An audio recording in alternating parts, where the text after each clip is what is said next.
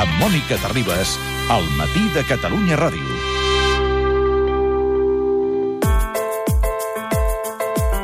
El Col·legi de Gestors Administratius de Catalunya us ofereix l'informe Sala i Martín. I Xavier Sala i Martín, professor de la Universitat de Colúmbia a Nova York durant el primer trimestre està a classes. Afortunadament és aquí avui perquè ha vingut a passar les festes, no? Efectivament. I ha viatjat, ha viatjat tot el trimestre, però quan arriba aquesta època de l'any eh, tenim sempre ocasió de saludar-lo. Us mm, compartim amb vosaltres, oients, que està eh, magnífic, amb una americana de color eh, vi. Vi, sí. És de color vi. Burgundi. Burgundi, molt bé. Uh, Xavier Sala i Martín uh, va tenir una, un, tot un corolari de, de tuits molt interessants després que aparegués l'informe PISA. Perquè uh, ja sabeu que quan apareix l'informe PISA tothom mira a veure aquest punt que puja, aquest punt que baixa, i a vegades perdem la perspectiva. I ell va fer tot un seguit de reflexions que volem compartir amb vosaltres, perquè, com sabeu, el professor Sala i Martín és responsable també d'un índex de competitivitat dels països arreu del món on s'avaluen moltes coses, una de les quals és l'educació. I ell sempre ens fa reflexions al voltant d'aquesta qüestió. Um, I, per tant, volíem aprofitar que el teníem aquí per parlar-ne. Això de l'informe PISA ens hauria de preocupar zero, no? A veure, eh, jo crec que de l'informe PISA es poden treure algunes lliçons, Sí. però que sovint les lliçons que es treuen, sobretot que treuen els polítics, no només d'aquí, eh, sinó de- D'arreu. Eh, són equivocades. Eh? I, per, i, i, i, I això és punt número 1. I punt número 2, el fet de que hi hagi un examen tipus PISA pot acabar perjudicant el sistema educatiu. I si, si vols després Això, entrem... això, això ens interessa molt perquè quan nosaltres donem la informació de l'informe PISA i diem a veure, les proves millores en matemàtiques, 40, 493 punts sobre 500, en ciències, 492 sobre 504, comprensió lectora, de 501 ha baixat eh, perquè n'hi havia 500. Traiem conclusions de si l'educació va millor o pitjor. I aquesta és la primera que és errònia, no? Sí, a veure, deixa, de- deixa d'entrada deixem, deixem d'entrada a explicar per què, eh, diguem, què, què aprenem. Què aprenem? Què aprenem? Quines són les coses que aprenem? Uh, primera, si, si mirem la relació que hi ha entre notes i despesa educativa, Uh -huh. a, a partir de 50.000 dòlars de despesa al llarg de tota la vida d'un estudiant, és a dir, despesa per estudiant de 50.000 dòlars de tota la vida, això són conclusions que treu la pròpia OCDE, els Sí. autors d'aquest informe. Uh, si tu mires el gràfic, diguem, veurà- veuràs que uh, per més que gastis, les notes no pugen. És a dir, els països que gasten més no necessàriament treuen millors notes. I dins d'Espanya, les comunitats que gasten més, per exemple, Euskadi, que és la Sí. que més gasta, no té millors notes que Catalunya. No, perquè- que- Ni que Castilla i Lleó, que és la que té, que té millors notes. Eh, eh, per exemple, Estònia, Estònia té molt millors notes que Finlàndia o que Suècia. I, figura, I Suècia i Finlàndia gasten una barbaritat en, en educació. Uh, per tant, no és... I, i, I això és molt important perquè aquí, diguem, sempre diem, escolta, més que aquí no gastem igual que els països nòrdics, no? Bueno, el que tu fiques en un sistema educatiu no importa. El que importa és els resultats. Els resultats. Si tu poses molt i no treus res, ets burro. I? Singapur, que és qui encapçala aquest rànquing i posa molts diners, no sí, hi ha... mm, sí, però segueix sense, diguem, se, se, proporcionant els diners que inverteixen, haurien de, haurien de tenir molt millor. És a dir, podien treure, podien treure els mateixos resultats gastant molt menys.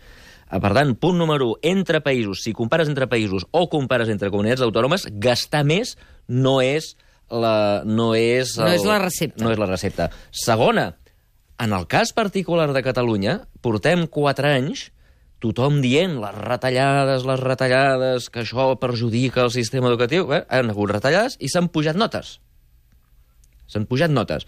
Per tant, eh, la, tornem a la mateixa conclusió. No és tant el que gastes, sinó com ho gastes, com ho fas. Aquí el que ha passat, el que ha passat és que hi ha hagut retallades, però els professors i els estudiants han fet un esforç segurament descomunal que els ha permès treure millors notes malgrat les retallades.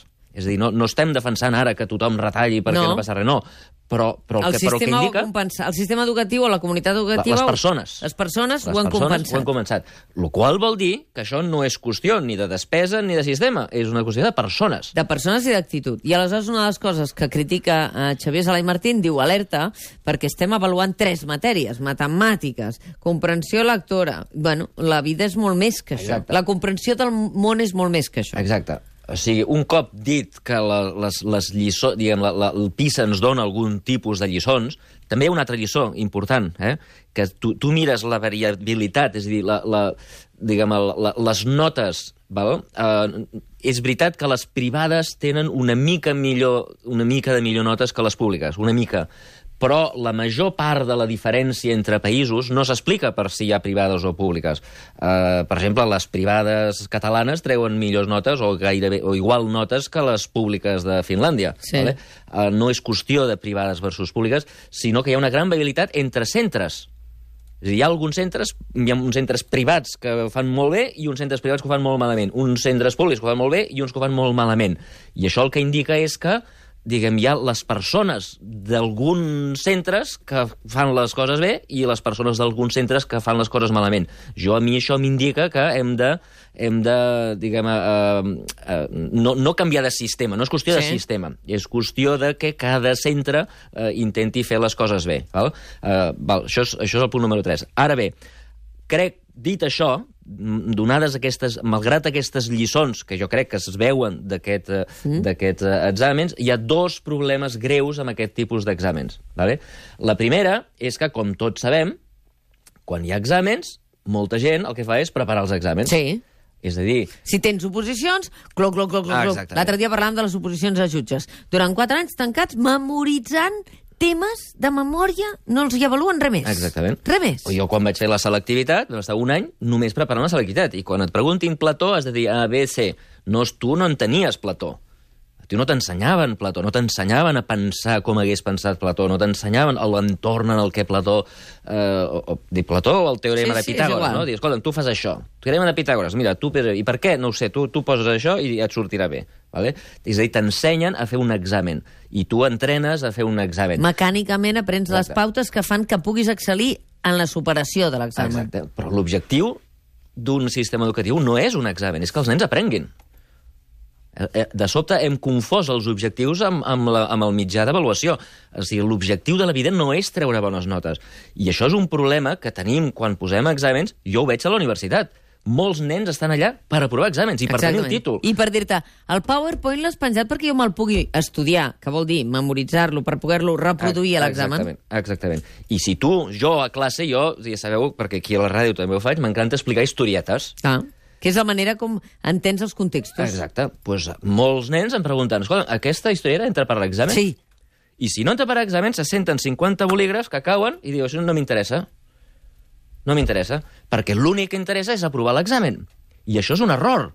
L'educació, el sistema educatiu, no ha d'estar dissenyat per aprovar exàmens. Ha d'estar dissenyat per ensenyar, per, perquè, no, no per ensenyar, perdona, per aprendre Per comprendre el per món. aprendre, que els nens, que els estudiants siguin capaços d'aprendre, de pensar, de ser crítics, de, de, de, de, de, de, de veure si el professor els està prenent el pèl o no. M'entens? Això, o, o el, el professor, o els polítics, o la Wikipedia, diguem. El, Sí, sí. Tot això és, és, la, és, és eh, diguem, hauria de ser l'objectiu del sistema educatiu, i en canvi acaba sent exàmens. ¿vale? I això acaba sent una cosa, diguem, nacional, Eh? Uh, per exemple, a Mèxic han decidit que l'objectiu és pujar nota a Pisa, o a Perú. Eh? L'objectiu és pujar nota a Pisa, no? I llavors, clar, tot es dissenya per pujar nota a Pisa. Però, clar, hem d'entendre que Pisa avalua tres coses, com has dit. Matemàtiques, Sí, sí. Uh, ciències, ciències i comprensió i la- lectora. Eh? És a dir, diguem, uh, diguem de, de, les, de, les, de les nou intel·ligències de Gardner, diguem, uh, la, la, la matemàtico-lògico-matemàtica, que diu ell, i la lingüística. I les altres? Les creatives... Tot les... això desapareix. Tot això fora. Tot això desapareix. Perquè, clar, com que l'objectiu és pujar a Pisa, no? ara de sobte els nens mexicans, diguem, el sistema educatiu es dissenyarà de tal manera que l'objectiu serà a pujar, pujar la nota a l'examen. Uh, I aquí és quan, uh, quan diguem, es, fa, es fa un error. Però segona cosa importantíssima és que quan tu fas això, eh, diguem, poses èmfasis en aquestes assignatures que algú de la OCDE, algun buròcrata de l'OCDE, ha, Ha dit que eren decidit que són les bones. Sí. i l'altre deixa de ser important. Aquí alguna vegada ja he explicat la, la decadència que va viure la Xina eh, després de que el Marco Polo visités. Sí, però recorda-ho perquè té molta relació amb això que estem explicant. Exactament. O sigui, Marco Polo, recordeu, va escriure un llibre de les mil meravelles que havia vist a la Xina, un, un, una economia avançadíssima, unes tecnologies avançadíssimes, els tios ja feien focs artificials, Sí. fonts de colors, regadiu, eh, diguem, tecnològicament Sí. avançat, o sigui, una cosa espectacular, paper, moneda, eh, i el... I el i el senyor, diguem, eh, diguem la, la, la, Xina en aquella època estava super avançada en relació a Europa. Recordeu que Marco Polo va anar, va anar allà el 1250, mm. diguem, eh, I- i va aquí a flipar. Europa, aquí a Europa era... Estem, a- estem, estem a les beceroles d'on estan ells. Exactament. Però, en canvi, al segle XX, eh, la Xina passa a ser el país més pobre del món. O sigui, en 800 anys han perdut tot aquest lideratge tecnològic, tot aquest lideratge científic, i hi ha eh, historiadors, acaba de sortir un llibre eh, d'un professor de Northwestern que es diu Joel Mokir, que diuen que la raó per la qual passa això és que hi havia exàmens centralitzats, és a dir, per ser buròcrata a la Xina eh, agafaven els millors estudiants de tot el país, els posaven 12 anys a estudiar com unes oposicions, i, per tant, tota la gent més llesta, de totes les classes socials, això és veritat, agafaven pagesos, nens rics, de tot arreu, els posaven a estudiar i els millors... passar esdevenien- l'examen. A passar l'examen. I això què vol dir? Doncs que al centralitzar tot el coneixement a través d'aquest examen central, que a més eren sobre les, sobre les filosofies de Confuci, ni tan sols era sobre ciències, doncs clar, tota la resta que no entrava per l'examen es va deixar d'estudiar, es va deixar de pensar. I si l'examen deia que la, que la Terra, que, que, el Sol, que la Terra és el centre de l'univers i que el Sol gira al voltant de la Terra, doncs els nens deien que la, el I ja Sol està. girava. I ningú esperava a preguntar, escolta'm, i si fos al revés? Escolta'm, això no quadra. Escolta'm, els, els, les llums aquestes que es mouen al cel resulta que es mouen... O a mi per m'interessa Júpiter. Explica Júpiter com encaixa amb la Terra, per Exacte, entendre'ns, exacte. no? Totes aquestes preguntes, que és el que s'ha de fer un científic, que és el que fem a l'hora de pensar, a l'hora d'avançar el coneixement, tot això deixa d'existir, perquè estem tot el dia preparant l'examen. Entens? I, per tant, eh, diguem, la, la història de la Xina ens pot ensenyar que el millor a posar aquest examen estem nosaltres començant a una època de decadència de 800 anys, eh, perquè A Europa, està equivocat. entre altres Però, coses. quarta, i molt més important, avui dia, diguem, estem, es- aquest examen és un examen que avalua les assignatures que van ser molt importants pels nostres pares i fins i tot per nosaltres que és la, la, La matemàtica. Que, vam viure a l'època industrial. Sí, sí. L'època industrial era una època que, bàsicament, necessitàvem el que jo anomeno McDonalditzar els nens que tots acabessin iguals, tots que tots sabessin el mateix. Per què? Doncs perquè quan es moria un Perquè la advocat, fàbrica, agafaves un la altre- fàbrica ha de substituir peces. Exacte. Tota, la que sigui, és es igual. mor un enginyer, en fotem un altre d'igual, I i, ja la, i la gran maquinària industrial segueix. Però ara Eh? sempre dius que el valor afegit, en una economia de valor afegit, això ja no ens serveix. Exactament. Ara necessitem creativitat, ara necessitem innovació, ara necessitem nens diferents. Uh, ara necessitem coses que abans no eren tan valorades. Abans, si tu pensaves massa, els emprenyava, no? perquè tu el que has de ser és aquí advocat del Banc Sabadell i has de seguir les normes. I si tu pensaves massa, molestaves. Ara no. Els nens aquests, que ara tenim unes taxes d'atur de 50%, no els estem preparant per la vida de veritat. I la demostració és el 50% d'atur. Els joves no troben feina. Per què? Perquè no els hem preparat per la feina que es trobaran ells, per les feines que s'estan trobant ells. Um, I, per exemple, uh, tornant a les intel·ligències de Garner, no els hi estem ensenyant art. Sí que els ensenyem art. Però a la Però per tarda... mirar-lo. I, i, I a la tarda, i si vols No fer per música, fora, fora del col·le, Sí. no, una, una activitat que t'han de portar els teus pares És un a tocar el violí. extraescolar. Exacte. Uh, per exemple, no hi ha examen de música a PISA. Una de les grans claus de la innovació, de tenir idees, és observar. Fixa't què fa el Pep Guardiola per guanyar partits. Què fot? Observa partits i partits i partits. I quan veu el fallo de l'altre tio, pam, el, diguem, fa un canvi en el seu equip i així guanya partits. Així és com li van fotre dos a sis en el Bernabéu. Uh, observació és la clau de la innovació. I la millor manera d'observar és pintar. Tu has vist? Els, tu, tu et fan una caricatura pels carrers de París. Sí. Els tios que pinten veuen coses de la teva cara que tu mai havies vist. És I això que et mires cada dia. I quan dius, hòstia, i és veritat que... I et mires al mirall i, hòstia, doncs sí que tinc el pòmul més pujat o el nas, el nas una mica cap a l'esquerra. Les caricatures és el millor per veure com ets, en realitat. Però els tios ho veuen. Sí. Els pintors, els artistes, són capaços d'observar coses que els altres no veiem. Tu mires a través d'un vidre i veus el taxi que hi ha aquí fora. Mm. Ells no, ells veuen els reflexes. I veuen que de través del vidre estàs mirant el senyor que hi ha Sí, darrere. sí, tu sí. no el veus, el senyor darrere, però ells ho veuen. L'art és una cosa molt important. L'esperit crític. Hòstia, estem aquí votant a tios que, que et venen motos Uh, Perquè no tu som creus... capaços de detectar-los, perquè no ens han ensenyat a detectar. Exacte, perquè tu t'han ensenyat tota la vida que tu has d'escoltar el professor i reproduir el que et diu. És igual si té sentit o no té sentit. Si el I per professor... això la postveritat tri... o l'anomenada postveritat triomfa. Exactament. Perquè la gent no es qüestiona eh, determinades jo coses. la, la, fa poc estava parlant amb el- amb l'amo, amb l'amo, amb el creador de Wikipedia, uh -huh. eh, un empresari nord-americà Mhm. Sí. que va crear Wikipedia. I el tio em deia que, que era, era... Wikipedia vol dir que tu pots escriure el que, vol, el que sigui i després ja vindrà algú i ho canviarà o no ho canviarà, però tu el que escrius queda escrit. Tu pots escriure tonteries. Sí, sí. I aleshores, per aquest senyor, em deia, el més important que podem ensenyar en, el, en les escoles és l'esperit crític. És a dir, quan tu és llegeixes- detectar que això no pot ser, que Exacte. això que estan dient no pot ser. això no pot ser. I quan algun professor t'està venent la moto, tu has de poder aixecar la mà o el dia de l'examen dir, mira, el senyor aquest m'ha venut la moto i això que ha dit és mentida. Jo he investigat i, escolta'm, la veritat que de moment és aquesta. Ja veurem d'aquí sis anys quina serà la veritat, però el que se sap avui dia sobre això és això i això. Però el sistema no valida aquesta I si tu actitud. fas això, el suspenen. sistema no està validant aquestes actituds. Si tu fas això, et suspenen avui Clar. dia, perquè et diran no, la, la, la resposta correcta era esta. Entens? Uh, per tant, esperit crític. Pregunta, la curiositat. La curiositat. El Max, el meu fill, ara té, eh, diguem, un any i tres mesos, val? Uh, tot el dia està investigant coses, està a l'iPad buscant, pum, pam, fan preguntes tot el dia. L'iPad buscant amb un any i mig, faci el favor de comprar una pilota. No, no, té pilotes, eh? però quan, quan ell vol anar a la pilota, juga a la pilota. Quan vol anar a l'iPad, va a l'iPad i, i, i, i ell sol va investigant. Uh, preguntes, nens petits, quan comencen al col·legi no paren de preguntar. Tu ets professora a la universitat, no? Mm. Els nens a la universitat no fan preguntes. No. Què ha passat amb aquella I curiositat? sobretot, interrompeu-me de seguida que tingueu, que vulgueu preguntar, tal, pots estar fent la classe tranquil·lament durant dues hores, no et preguntaran res. No, preguntat? No, hi ha, no tenen curiositat. Acosta. No tenen Si curiositat. l'estimules, ho fan, eh? Jo, a mi em costa molt. Jo tota l'estona a les classes... Jo no sé aquí, si al- m'atreviria a preguntar-li masses coses si no fos que em toca fer-ho a Xavier Rai Martín, eh? A tot el Ah, dia sí. estic encoratjant preguntes. Clar. Pregunta, pregunta, pregunta. I no? Et pregunten? I no hi ha manera. Alumnes de Xavier Rai Martín de la Universitat Pompeu Fabra que començareu curs quan? Aquest, Aquest any no donaré classes. Aquest any no dones classes? no. Oh... Però, però donen... Però, escolta'm, no, no, no, No hi ha pregunten. preguntes. És a dir, és a dir, fixa't, no és que no els hi donem curiositat als nens. Els nens la tenien, com en començar. L'hem abort... l'hem avortat. L'hem matat. Hem matat. La curiositat que tenien els nens l'hem matat. I això és molt greu. Per què és molt greu? Per què és molt greu? Perquè els nens que surten ara de la universitat, amb 20 anys, es jubilaran d'aquí, mm, si tenen sort, 50 anys. Sí.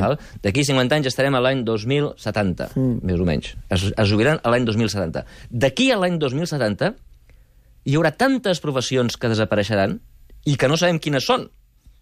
A lo I millor, a lo que- millor el, el, el presentador de programes de ràdio serà un robot Segur. amb intel·ligència artificial. De fet, el ja ho és. professor, el professor... El que passa és que encara no ho hem compartit amb l'audiència, però... En realitat la Mònica és un robot. Absolutament. El, el, la meva professió, a lo millor les classes desapareixen. Hi haurà un megaprofessor a internet que tindrà 50 milions d'estudiants que ho farà de conya, i com les, com les, les, les classes Sí. TED, eh, les, les conferències TED, no? que les miren 25 milions de persones, Sí. a lo millor les classes seran així. Els comptables desapareixeran perquè vindran ordinadors que ho faran millor. És a dir, no sabem quines feines desapareixeran. Moltes ja han desaparegut, moltes més desapareixeran. Els nens hauran de Si hauríem canviar. d'estar educant en l'adaptabilitat a la insert... a, a, a escenaris desconeguts encara. Sí, exacte. Un cop acabin. És a dir, els nens un cop acabin, perquè quan acabin no sabrem quines professions desapareixeran. No sabem les professions que hauran de fer. Jo i tu este, hem d'ensenyar a joves preparar-los per professions que no existeixen. Mm -hmm. Mira la feina que tenim. I per mi, saps quina és la eina clau? La curiositat. La curiositat. Si tu els hi obres que la de fet curiositat... és l'eina d'aquest uh, ofici nostre, que és el periodisme. Si no tens curiositat per saber de l'altre, tot això que està explicant ara Xavier Sala i Martín, li preguntem perquè sabem que ho té en el cervell, intuïm que ho té i ho traslladem a la gent que ens Mhm. està sentint. Però això li ser serveix als periodistes, però serveix a, a tothom. Pensa una cosa, pensa una cosa. Els nens, avui dia, els, els nens i els grans, tots, avui dia, tenim tota la informació que ha creat el ser humà, des de que la Lucy es va posar dreta fins ara, fa dos milions d'anys, eh? tot el que hem creat els sers humans, tota la ciència, tots els coneixements, tot, tot, tot, ho portem a la butxaca. Amb un telèfon Amb un intel·ligent telèfon. i connexió a internet al Google. Tot. Tot. Està tot. Està tot. I només hi ha una barrera entre un xaval jove i aquesta informació. Una sola barrera. I és ell mateix. L'ha d'anar a buscar. S'ha de preguntar coses. Si tu et preguntes coses, automàticament vas a Google, ho busques i ho investigues i trobes. Si tu no preguntes, mai trobaràs res. Per tant, fixa't que la clau és la curiositat, preguntar-se coses. Estem ensenyant els nens a preguntar coses? Estem induint els nens a preguntar-se coses? O els estem castigant cada vegada que pregunten? Què passa amb el nen petit que pregunta masses coses a classe? Dius, tira't. Que els professors li És diuen calla, violent, als sí. altres nens li diuen, ara ja està el plasta una altra vegada aquí, a la universitat, quan un xaval pregunta... Molts xavals no pregunten no perquè no tinguin curiositat, Sinó perquè no volen, no volen uh, donar la nota, per entendre'ns. Exactament, perquè els altres... O sigui, hem creat un entorn en el qual els altres nens els matxaquen. I, per tant, la pregunta és una cosa clau. Per... I ara tornem a PISA. Hi ha una avaluació de qui sap fer preguntes? No. Hi ha una avaluació de No, qui és no, més no, creatiu? no. no. Doncs no, perquè a més el, eduquem en, el, a, en tots els àmbits, eh? des de petits fins a grans, en les respostes, no en les preguntes. Exactament. Els ensenyem a, pregu- a A respondre. respondre, no a preguntar. respondre. Però en el món de les idees, en el món de la innovació, en el que viuran els nostres nens, en el que ja no hi hauran grans empreses i seran una, una, una espècie de soldats a dins d'un gran exèrcit, sinó que seran, seran necessitaran ells ser creatius, ser crítics, Però, eh, clar, a ser, tot això- ser curiosos. Doncs tot això, tot això, avui dia no ho ensenyem. I tornant a PISA, com que el que avaluem és l'altre, els sistemes educatius, els ministres d'Economia, els consellers d'Economia de cada país, els, els directors de, de, de diguem, la gent que, que, que, que, que remains de cherries, que dirien, que dirien Units, remeis de Jerry. Els que remenen les cireres. els que remenen les cireres, doncs tota aquesta gent diguem, posen èmfasi en el que entra a l'examen. És- I, és- per tant, oblidem tot l'altre. I, I dit això, dit això, val a dir que en aquest país nostre hi han excepcions. Hi ha gent que ja fa temps que ha vist això, hi ha escoles que ja fa temps que han vist això. I ara hi ha tot un projecte que ha tirat endavant Escola 21, Exactament. que, Aquí és on anava que jo. aquí és la Fundació Bofill, el Centre UNESCO de Catalunya i Educaixa, que estan intentant entrar en Hi ha escoles, com l'escola Montserrat, que va pionera amb això d'aquí a Barcelona, s'han apuntat els jesuïtes també intentant canviar això, és a dir, cada vegada Però més això ho hem d'instal·lar en el sistema públic, perquè si no... Uh, Bueno, però si, si la senyora consellera i el senyor ministre doncs, es barallen sobre si la educació, si la religió entra per a la mèdia, que ha sigut el gran debat que hi ha hagut en aquest país quan hi havia l'última reforma educativa, doncs escolta'm, aquí la gent ha de tirar pel dret. Els directors de centre han de tirar pel dret. No podem esperar a que els polítics es fotin les piles. I, per tant, s'han d'aplaudir les iniciatives i quan aquestes iniciatives demostrin que això funciona, que preparen els nens, no per treure millors notes a PISA, sinó que preparen els nens per la vida, per tenir les feines que tindran els nens en el futur, per ser més feliços.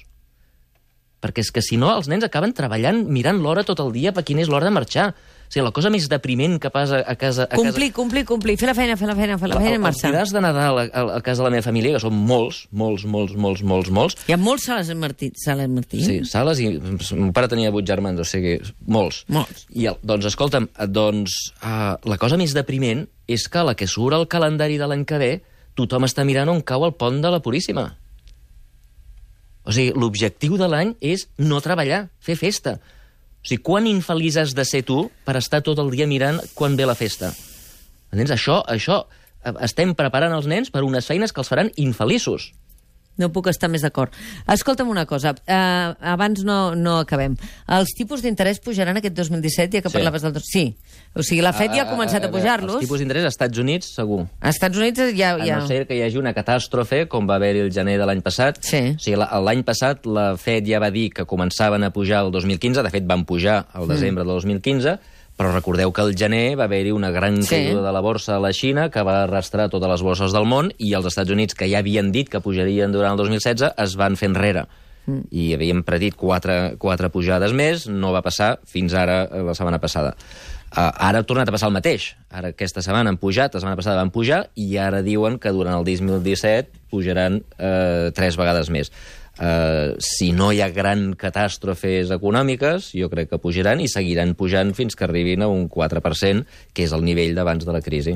Al gener, el, el doctor Sala Martín sempre se'n va a Davos, ja ho sabeu, i per tant, eh, quan connectem amb ell, quan és allà, ens, ens diu una mica com està el panorama, que, quin és el rol que juga cada país i sobretot els debats que tenen. I aquest any han incorporat eh, un debat interessant. A Davos veiem l'altre dia, ens estàvem mirant l'agenda, sobre qüestions de com les economies petites amb identitats petites a dins d'aquest món que se suposa que és de Xina, Estats Units, a Brasil, etc poden aportar. Vull dir que hi haurà debats sí, sí. interessants. Jo, jo, ah, jo ara, la, la, la, ja fa dies que ho, ho explico d'una manera. Uh, fins fa poc, tant països com uh, empreses grans es menjaven els petits. Mm. O sigui, l'important era la mida. Eh? Uh, ara ja no passa això. Ah, no ara passa. és el ràpid que es menja el lent. El ràpid que es menja el lent. I això té a veure amb el sistema educatiu. Mm. Els primers que canvin, els primers que s'adaptin als nous mons, es menjaran el món. Els que es quedin al segle XIX, doncs eh, moriran. Allà, a Davos, et trobaràs amb Paul Krugman? No. Amb Joseph Stiglitz? Sí. Molt bé. Doncs uh, Joseph Stiglitz no deu estar molt content, sou companys a la, a la Colòmbia, tots dos, us trobeu sovint. Sí, no només això, el... sinó que donem la mateixa classe. Sí, sí. El dia que el vaig entrevistar aquí vam parlar de tu i vam compartir amb un somriure això, sí, perquè sí. no teniu posicionaments uh, similars. Però he descobert que hi ha una llista dels de top uh, els economistes més influents del món. I aquesta llista, eh, que la publica, és una classificació de la plataforma digital richtopia.com, hi ha els 100, els 100 economistes més influents. Paul Krugman està al número 1, però atenció, Xavier Sala i Martín està en el número 27 d'aquesta llista, per davant de Stiglitz, d'en Piketty, que també, o de Bern, Bernanke, o de molts altres. Uh, saps, tens idea de com es fa aquesta llista? No. Doncs no, estàs m'ho van enviar. en el número 27 i pujant respecte sí. l'any passat que estaves al 39 i, i ara estàs al 27. Sí, sí. I què, això t'impressiona molt o no? no. Ja no t'impressiona gens, no. no. Passa, no. No impressiona, no, no, no, no, no, no només no impressiona, sinó que no... No li dones cap important, cap uh, credibilitat. A veure, està bé, està bé, però diguem, no, no, no canvia la meva manera de fer. Diguem, no, el meu objectiu a la vida és no ser un influencer. Eh, eh, no, és que aprenguem... jo, seguiré, jo seguiré fent recerca igual que he fet fins ara, publicant articles igual que he fet fins ara, eh, és que, clar, l'altre dia amb el Tian Riba, amb qui feu l'Economia en Colors, deia a veure si ara ara endarreriran més encara el rodatge d'Economia en Colors perquè els cridaran de tot arreu per culpa d'aquesta llista. No. L'Economia no. en Colors es rodarà sí. a la primavera, no? Sí. S'havia de rodar ara, però com ja ho he explicat aquí, una, vam explicar aquí fa unes, uns mesos a la, a la Sílvia, la meva dona, que participava al vostre programa sí. abans els dimecres, sí.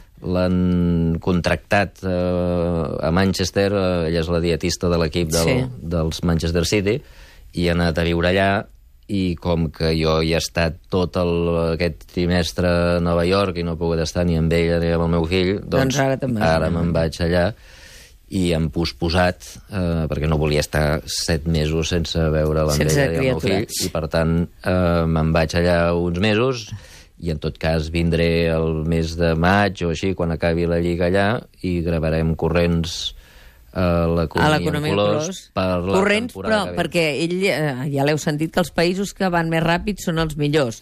Llavors, el fet que corri no vol dir que ho faci malament. No, no. ho farem, ho farem molt ho bé, però ho farem concentrat. No, no, no puc estar aquí sis mesos gravant, eh, i per tant farem, ja, ja tenim els guions fets, eh? ja, ja està tot en marxa. Estava tot preparat per, perquè, per venir ara al gener, i fer gener-febrer gravar, però ho hem hagut de posposar per culpa meva, eh? no per culpa Molt ni del Tian, ni del TV3, ni de ningú. Molt bé. He sigut jo que he hagut de, de posposar. Sí. Però, però farem... Hi ha un capítol molt xulo, sembla que el primer, sí? que és l'economia de la felicitat. És a dir, parlarem d'algunes de les coses que parlava ara, de què hem de fer per fer feliços, perquè hi ha una cosa que es diu economia de la felicitat, hi ha un, un camp que examina si la relació, dir, ser ric, per exemple, et fa feliç Ahir fèiem una reflexió en un espai que tenim els dimecres que es diu El racó de pensar sobre... amb en David Fernández parlàvem de pensar la pau i dèiem que mai trobem en els titulars dels diaris eh, com es, eh, quin pressupost es dedica a, a, a processos de pau i en canvi sí que els trobem a, a tot el contrari, no? I ell deia que és molt poc rendible invertir en guerra a la llarga és molt poc rendible. Com, com revertir tot això? I ara la de la felicitat seria una altra, no? Sí.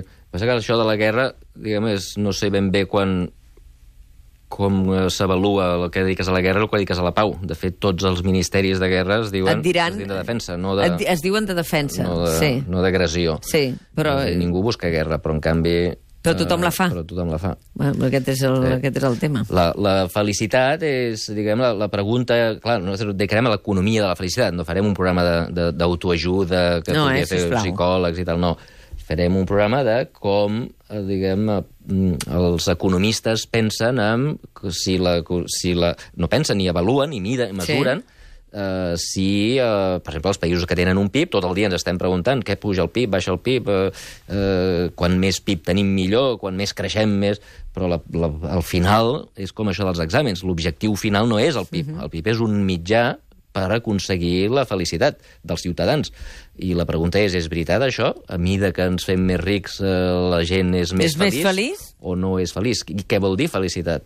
És la memòria de la felicitat? És les, el que tu... Hi ha una pel·lícula, de, no sé si te recordes, de, de la Schwarzenegger, que es deia Total Recall, que li implantaven un xip de memòria Sí. I llavors, eh, diguem... Tenia... Ah, Clar, tu pots Tenia fer el una re- memòria, el escolta, una memòria que dius, escolta, jo quan fa 15 dies eh, era l'amant de l'Angelina Jolie, I ens mira. ho passàvem de conya, anàvem al Carib i tal, i això em genera una felicitat.